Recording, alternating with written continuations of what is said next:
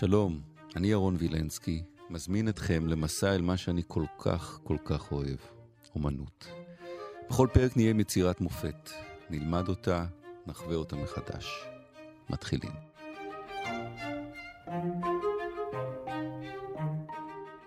פירות ראשונים, ראובן אה, רובין ואנחנו עם דבי לוזיה, גלריה שטרן, שלום.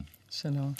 ראובן רובין, אחד מהאבות המייסדים, אפשר לומר. בחרת דווקא את הציור הזה שלו, מדוע? זה הציור אה, בעיניי הכי חשוב של ראובן רובין, מהתקופה הכי חשובה שלו, שנות ה-20. ובציור הזה, אה, אני חושבת שבחרתי בו גם בגלל החיבור שיש פה, איזה מין חזון אה, אופטימי של חיים משותפים בין יהודים לערבים. זה, קודם כל זה מורכב משלושה חלקים, מה שנקרא טריפטיך. כן, זה טריפטיך, אבל זה יותר מטריפטיך, כי יש פה אה, סגנון, מה שנקרא ציור מזבח. יש פה, אה, זה, זה צורה של אה, ציורים בכנסיות. כל מי שגם מאזין לנו מוזמן לפתוח אה, מנוע חיפוש ולחפש את הציור הזה, פירות ראשונים ראובן רובין. מה, מה יש, יש פה? יש קודם, חשוב לומר כן. שהציור הזה הוא מאוסף בית ראובן. אוקיי. והוא הושאל בהשאלה ארוכה למוזיאון ישראל. למוזיאון ישראל. מה יש כאן? מה הוא מביא? אז קודם כל, אה, אנחנו נחלק את זה לשלושה, בגלל שכל אחד מהחלקים עומד בפני עצמו. אה, בחלק המרכזי אנחנו רואים את החלוץ ואת אה, אשתו, ואנחנו רואים גם משפחה תימניה, זוג עם ילד. החלוץ הזה מימין עם הגוף המפותח כאילו בחדר כושר. כן, כי זה החלוץ. הוא בעל כוח, ושים לב, הוא נושא את האבטיח כמו שאטלס נשא את העולם. בדיוק. והוא נמצא באיזה... מצד אה, שמאל זה בננות? כן, יש משהו פאלי בבננות האלה, אבל זה מין אה, אה, ביקורים. כן. תבואת הארץ, והיא מגישה לו תפוז, כמו שחווה הגישה תפוח. מעניין. ומשמאל זה מה, עולים מתימן? כן, שהם, אה, יש פה סוג של מיזוג עלויות, אם כי אין שום קשר בין, ה, בין הדמויות. זאת אומרת, יש אותם... ממש אפשר היה להעביר פה קו באמצע. אפשר, וכאילו כאילו יש קו אה, דמיוני. היא מחזיקה רימון. רימון אצל ראובן זה תמיד סמל למסורת. אז הם בעצם מסמלים את המסורת, את הדת, את ה-old school, את העולם הישן.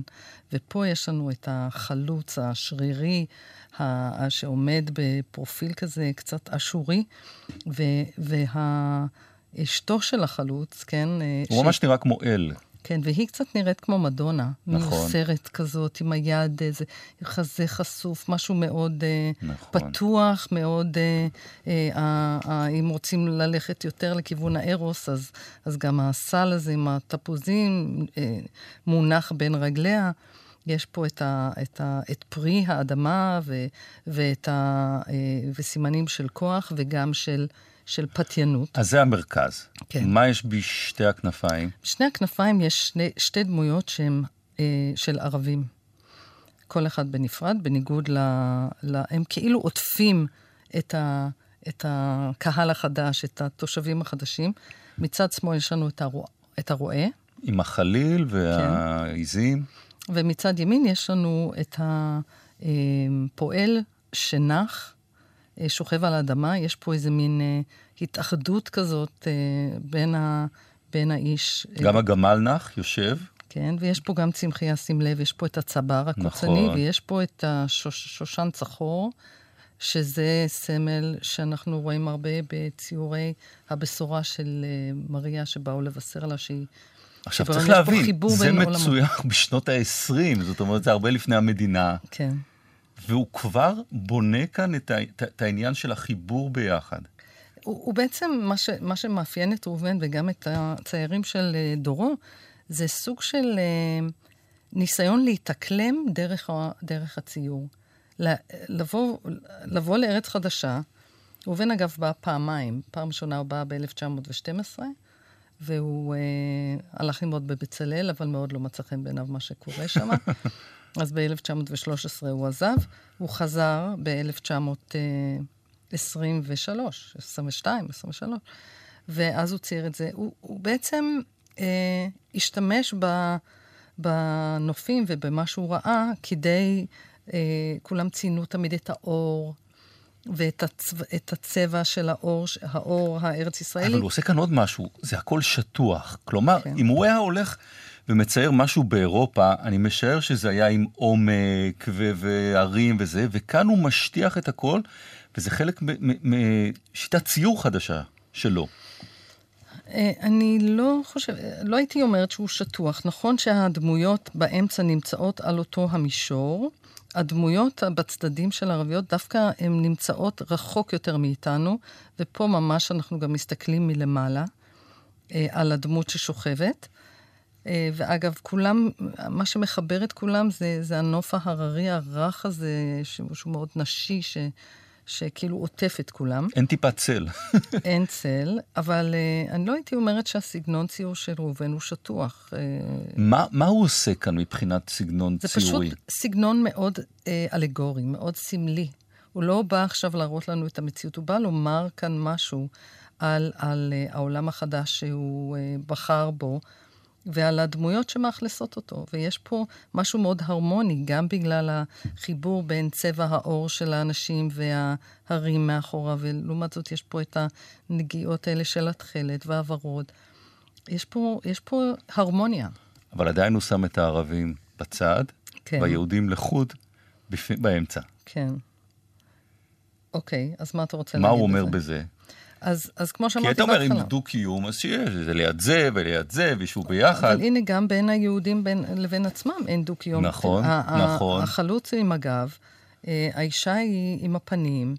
אין פה באמת, יש פה כן משפחה דווקא אצל התימנים, שהוא אוחז בזרועה, והיא מחזיקה את התינוק, והיא מגישה לו רימון. ושים לב גם לכיוונים של כפות הרגליים פה, זה גם כן אה, יוצר איזה מין דינמיקה כזאת. מה החשיבות של הציור הזה בהיסטוריה של הציור הישראלי?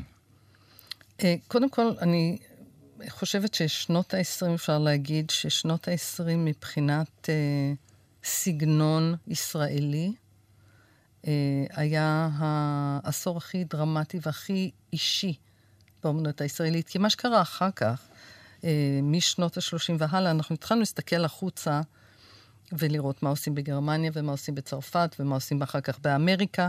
ופה בשנות, בשנות ה-20, נכון, כל האומנים שהגיעו לכאן הגיעו מאיפשהו. אבל עדיין, אה, ובאומנות באירופה אה, עשו קוביזם, עשו, היה את, את המאסטרים של האימפרסיוניסטים, אבל אני מרגישה שמה שנעשה בארץ בשנות ה-20 היה ניסיון להביא משהו חדש, במיוחד בגלל האור. הייתה סינתזה, זה נכון, אבל היה בזה משהו מאוד אה, אישי ותמים, שאיבדנו אותו אחר כך. כולם מוזמנים לרוץ למוזיאון ישראל בירושלים, שם רואים את היצירה המופלאה הזו אגב, של אגב, חשוב גם לומר שהרוחב של, של הציור הזה הוא ארבעה מטר, ענק, והגובה שלו הוא מטר שמונים ושמונה. אתה עומד מול זה ומשתאה. כן, בהחלט. נסיים עם יחזקאל בראון, אחד הקומפוזיטורים הישראלים המיוחדים, שקצת לא נותנים לו את הכבוד שמגיע לו, אז ניתן לו את הכבוד.